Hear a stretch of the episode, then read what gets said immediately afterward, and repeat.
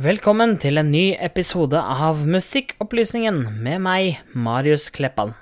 Jeg er tilbake etter en litt lengre pause, og i denne episoden ønsker jeg å snakke om en konsert jeg var på nylig som fortjener litt ekstra oppmerksomhet.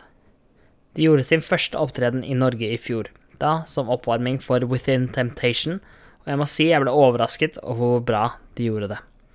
Fredag 8. november var de tilbake for sin første headline-konsert, og det var på intimscenen John D. Bandet det dreier seg om, heter Beyond the Black.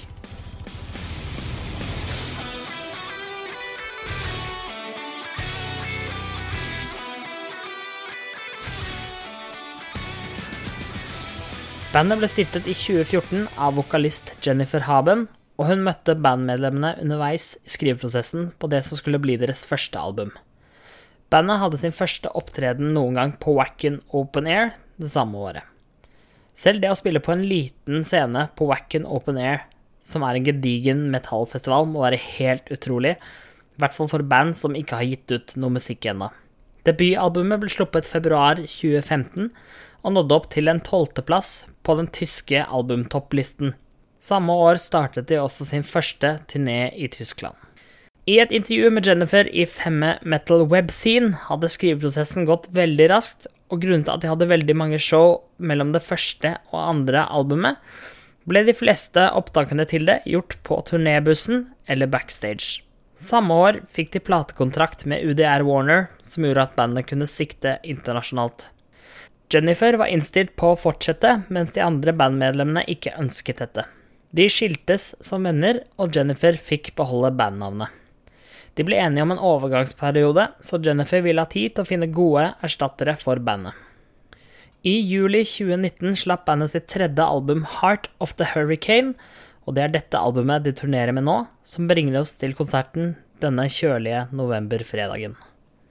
Først ut var oppvarmingsbandet Forever Still, et alternativ metal-band stiftet i 2010 som var aktuell med sin nye plate Breathe In Colors. Dette var et band jeg hadde litt lunkne forventninger til, da jeg i forkant hadde hørt et par låter som lå på YouTube, og jeg ikke helt følte det. Men så feil kan man ta. Selv om det kunne se ut som bandet manglet et medlem, gjorde det absolutt ingenting. Selv med en gitarist, en trommis og en vokalist som tok litt keyboard innimellom, var det fortsatt veldig bra. Bandet startet med tre knallsterke, harde låter før det gikk over til noen rolige. Slutten fikk jeg ikke med meg, men jeg hørte rykter om at det ble brukt en thermin på siste låt. For de som ikke vet det, er en thermin det første elektroniske instrumentet som ble laget på starten av 1900-tallet, og det er notorisk vanskelig å spille og mestre. Så at et band har brukt det på sin nye plate og live, er eh, helt utrolig og skikkelig kult. Etter at Forever Still hadde rigget seg ut, var det duket for Beyond the Black. Etter å ha gjort et sterkt inntrykk i fjor, som oppvarming for With Invitation, var det herlig å se dem komme tilbake kun et år etter og gjøre dette headlinershowet. Bandet entrer scenen til et litt over halvfullt John D, definitivt ikke utsolgt, men heller ikke få publikummere. Dette er ikke helt uvanlig for et lite power metal slash symfonisk metal-band i Norge. De trekker ikke like mye som de større bandene i samme sjanger gjør, men jeg tror de har potensial til å trekke mye publikum og spille på større scener i Norge i nærmeste framtid. Bandet åpner med den sterke åpningslåta Hysteria fra det nye albumet deres, som er en flott låt å åpne med. De fortsetter videre med den litt harde låta When Angels Fall, og drar det tilbake ned igjen med den rolige tittellåta fra deres første album, nemlig Songs of Love and Death. Bandet er virkelig i slaget og ser ut til å kose seg på scenen, og det gjenspeiles i publikum.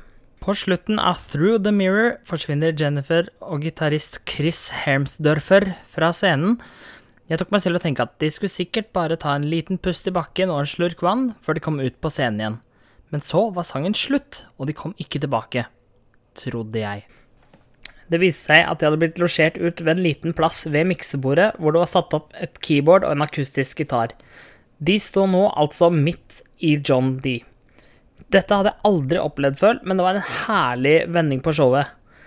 Her spilte de en nydelig akustisk versjon av sangen Song for the Godless med veldig høy allsangfaktor. Jennifer spilte Salve Regina, et Michael Patrick Kelly-cover som Jennifer hadde sunget på et tysk TV-show, som jeg er ganske sikker på at tilsvarer det norske konseptet hver gang vi møtes. Etter én låt til ute blant publikum forsvant det inn igjen, og det var duket for en trommesolo før bandet gjorde sin siste del av settet. Da bandet gikk av scenen, var de selvfølgelig ikke ferdig, og etter et par minutter med applaus, taktfast klapping og rop, kom de ut igjen for å gjøre sin siste låt, nemlig Halleluja. Dette er en fantastisk låt fra deres første album, og det er en helt nydelig låt. Det er så mye energi i låta, og en utrolig bra måte å avslutte settet sitt på. Dette var en av de første sangene deres som virkelig satte seg hos meg. Kort oppsummert så var denne konserten helt konge. Jeg elsker det Forever Still gjorde som oppvarming, og at de overrasket meg på den måten de gjorde.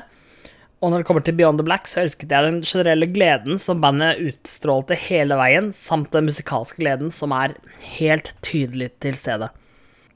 Takk for en flott konsert til Forever Still og Beyond the Black, og takk til deg som har hørt på denne episoden av Musikkopplysningen.